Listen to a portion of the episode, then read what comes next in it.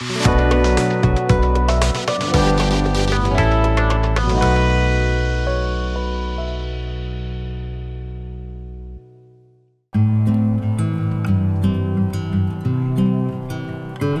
ဂလာပါရှင်မြန်မာပြည်သူပြည်သားအပေါင်းစိတ်ရည်ချမ်းသာခြင်းကိုယ်ရည်ကျန်းမာခြင်းနဲ့ပြည့်စုံကြပါစေလို့ PPTV ဖွဲ့သားတွေရဲ့ဆုတောင်းမေတ္တာပို့တာပါတယ်ယခုတစ်ပတ်တွင်ဖြစ်ပေါ်ခဲ့တဲ့သတင်းတွေနဲ့ပတ်သက်ပြီးသတင်းအကျဉ်းချုပ်ကိုကျွန်မစစ်စင်ကတင်ဆက်ပေးသွားမှာဖြစ်ပါတယ်ရှင် ပထမဆုံးတင်ဆက်ပေးမယ့်သတင်းကတော့အကြမ်းဖက်စစ်ကောင်စီရဲ့အာဏာလုယူမှုကြောင့်မြန်မာနိုင်ငံလူဦးရေရဲ့ထောက်ဝက်နေပါဖြစ်တဲ့လူဦးရေ25တန်းက2022ခုနှစ်မှာစည်ရနမမှုမြင့်အောင်မှာနေထိုင်လာရတယ်လို့ယာယီသမရဒူဝါလက်ရှိလာကအလုံသမားနေမိကုံမှာထည့်သွင်းပြောကြားလိုက်တာပါအခက်အခဲမျိုးမျိုးကြကနိုင်ငံအနာဂတ်ကိုပြန်လည်ကယ်တင်ကြမယ်။နေဦးတော်လန်ရေးမှာမြမအလုံသမားတပ်ပေါင်းစုရဲ့ဦးဆောင်မှုနဲ့ပြည်တွင်းပြည်ပမြမအလုံသမားတို့ကရှေ့တန်းကပါဝင်နေကြကြောင်း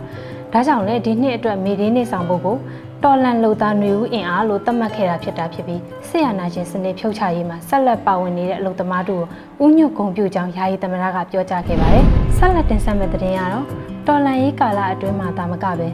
တော်လန်ရေးကာလအပြီးမှာပါအလုံသမားအခွင့်အရေးအပြည့်အဝရရှိရေးအတွက်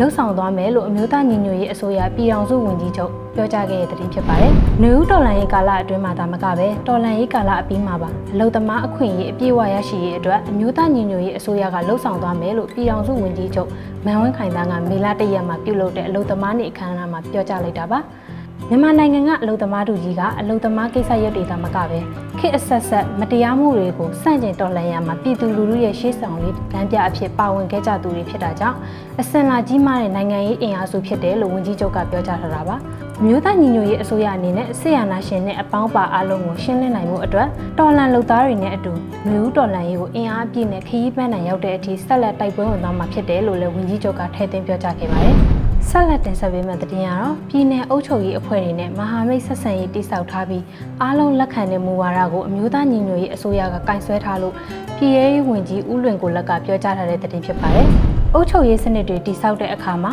ပြည်내အုပ်ချုပ်ရေးအဖွဲ့တွေနဲ့မဟာမိတ်ဆက်ဆံရေးတိစောက်ထားပြီးအားလုံးလက်ခံတဲ့မူဝါဒကိုအမျိုးသားညီညွတ်ရေးအစိုးရကကင်ဆယ်ထားတယ်လို့ပြည်ရေးရေးနဲ့လူဝင်မှုကြီးကြပ်ရေးဝန်ကြီးဌာနပြည်ထောင်စုဝန်ကြီးဦးလွင်ကိုလက်ကမေလ၁ရက်မှာပြောကြားလိုက်ပါတယ်။ ပြည်ထောင်ရေးဝန်ကြီးဌာနက AP 24ရက်စွဲနဲ့ထုတ်ပြန်ခဲ့တဲ့အထွေထွေအုပ်ချုပ်ရေးဦးစီးဌာန CDN ဝန်ထမ်းများအုပ်ချုပ်မှုကော်မတီကို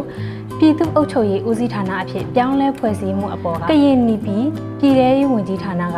ပြန့်ကွက်ခဲ့ပါတယ်။အဲဒီကိစ္စနဲ့ပတ်သက်ပြီးအခုလိုမှတ်ချက်ပြုပြောကြားလိုက်တာပါ။ ကရင်နီအမျိုးသားတိုးတက်ရေးပါတီ KNPP နဲ့အမျိုးသားညီညွတ်ရေးအစိုးရအဖွဲ့တို့ကြားဆွေးနွေးမှုတွေပြုလုပ်သွားဖို့ရှိနေပြီးလက်ရှိမှာစကိုင်းနယ်မကွေးတိုင်းတို့ရဲ့မြို့နယ်36မြို့နယ်မှာပြည်သူ့အုပ်ချုပ်ရေးစနစ်ဖော်ဆောင်နိုင်ထားပြီးပဲခူးတိုင်းနဲ့အေရဝတီတိုင်းတို့မှာလည်းဆက်လက်ဖော်ဆောင်နိုင်ဖို့လှုံ့ဆော်နေရလို့လည်းသိရပါတယ်။ဆက်လက်တင်ဆက်မဲ့တဲ့ရင်ကတော့ CRPH ကိုမြန်မာနိုင်ငံကိုစားပြုအဖွဲ့အစည်းအဖြစ်ဆက်လက်ထားရှိဖို့နိုင်ငံတကာပါလီမန်များအဖွဲ့ IPU ကဆုံးဖြတ်ခဲ့တဲ့တဲ့တင်ပဲဖြစ်ပါရဲ့ရှင်။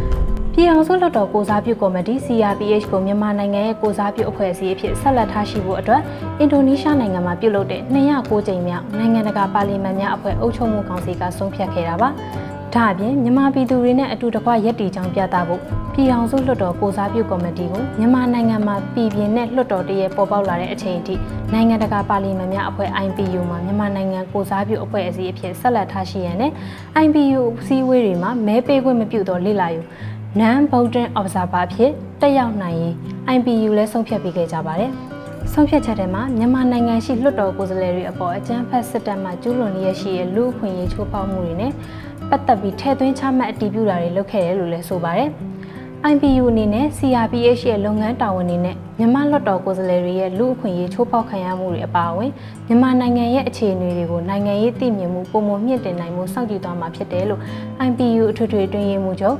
မာတင်ချောင်ကောင်က CRPH ဥက္ကဋ္ဌဦးအောင်ကြည်ညွန့်ထံကိုစာရေးသားပေးပို့ရမှာဖော်ပြထားတာပါဆက်လက်တင်ဆက်ပေးမယ့်သတင်းကတော့နိုင်ငံတော်အတိုင်ပင်ခံပုဂ္ဂိုလ်ဒေါအောင်ဆန်းစုကြည်နဲ့ပတ်သက်တဲ့အခြေမြင့်မရှိတဲ့တရားစီရင်မှုအပေါ်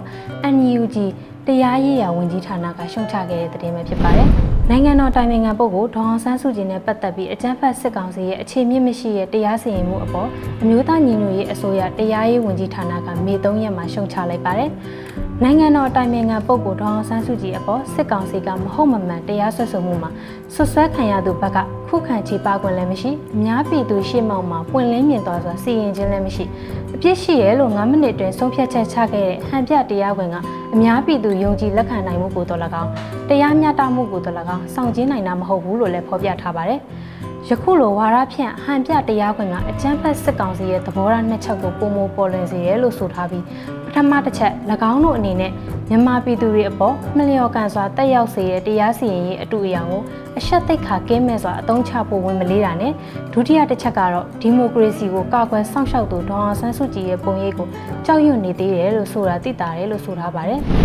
ဆက်လက်တင်ဆက်ပေးမယ့်သတင်းကတော့အမျိုးသားညီညွတ်ရေးအစိုးရနဲ့ပြည်သူ့သားကောင်းတွေတွေ့ဆုံပြီး ဂုံပြူပွဲတွေပြုလုပ်ခဲ့တဲ့တဲ့တင်မှဖြစ်ပါတယ်။အမျိုးသားညီညွတ်ရေးအစိုးရတာဝန်ရှိသူတွေနဲ့ပြည်သူရင်ဝင်ခိုလုံလာတဲ့ပြည်သူသားကောင်တပ်သားရဲတွေနဲ့တွေ့ဆုံပွဲကိုလွတ်မြောက်နေပြီတနေရာမှာ AP 12ရက်ကပြုလုပ်ခဲ့တယ်လို့ကာကွယ်ရေးဝန်ကြီးဌာနကမေ2ရက်မှာသတင်းထုတ်ပြန်လိုက်ပါတယ်။ အဲဒီတွေ့ဆုံပွဲမှာအမျိုးသားညီညွတ်ရေးအစိုးရတာဝန်ရှိသူတွေပြည်သူရင်ဝင်ခိုလုံရေးအစီအစဉ်အကောင့်ထဲပေါ်ဆောင်မှုကော်မတီဝင်တွေမဟာမိတ်တော်လှန်ရေးအဖွဲ့အစည်းကစစ်ဖက်အရက်ဖက်ဆိုင်ရာတာဝန်ရှိသူတွေပြည်သူရင်ဝင်ခိုလုံလာတဲ့တပ်သားရဲသားတွေနဲ့၎င်းတို့ရဲ့မိသားစုဝင်တွေတက်ရောက်ခဲ့ကြတာပဲဖြစ်ပါတယ်။တွေ့ဆုံပွဲကိုအမျိုးသားညီညွတ်ရေးအစိုးရယာယီသမ္မတကြီးဒူဝါလက်ရှိလာကကာကွယ်ရေးဝန်ကြီးဦးရင်မွန်တို့ကပေးပို့တဲ့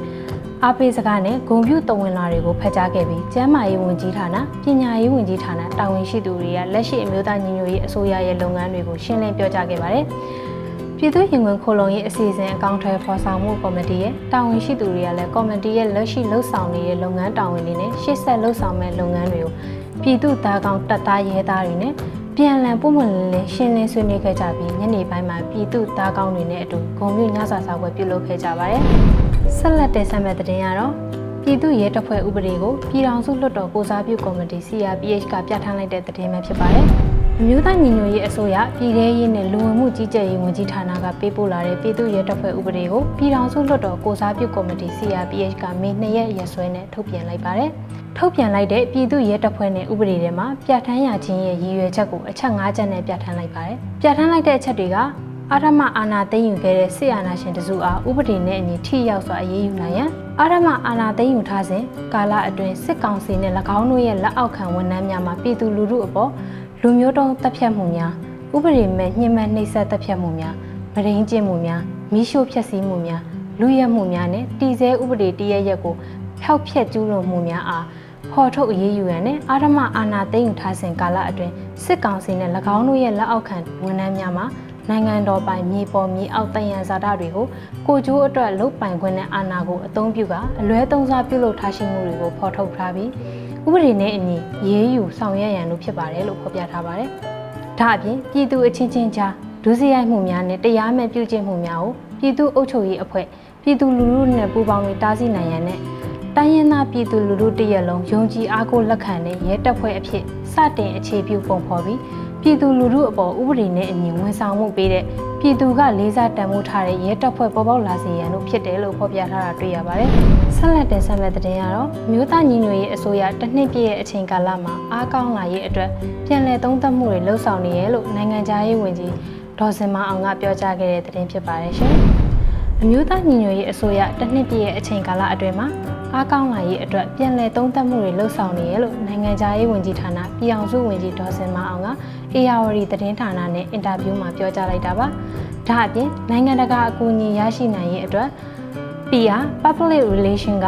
အရေးကြီးရဲ့အတွက်လက်ရှိထပ်ပို့မှုကောင်းမွန်အောင်စ조사လှုပ်ဆောင်နေရလို့လည်းပြောကြားထားတာတွေ့ရပါတယ်။ပြည်သူလူထုရဲ့အားနဲ့ဆက်ပြီးတော့တောင့်ခံထားနိုင်လေလေတစ်ဖက်မှာလည်းနိုင်ငံတကာအထောက်အပံ့တွေဥပဒေကြောင်းအရာတွေတန်တမန်ရေးအရာတွေ ငွေရေးကြေးရေးရတွေကအထောက်ပံ့တွေဖြစ်လာနိုင်တယ်လို့လည်းပြောကြားထားပါတယ်။ဒါကတော့တပတ်ချင်းစပေါ်ရဲ့သတင်းကျဉ်းချုပ်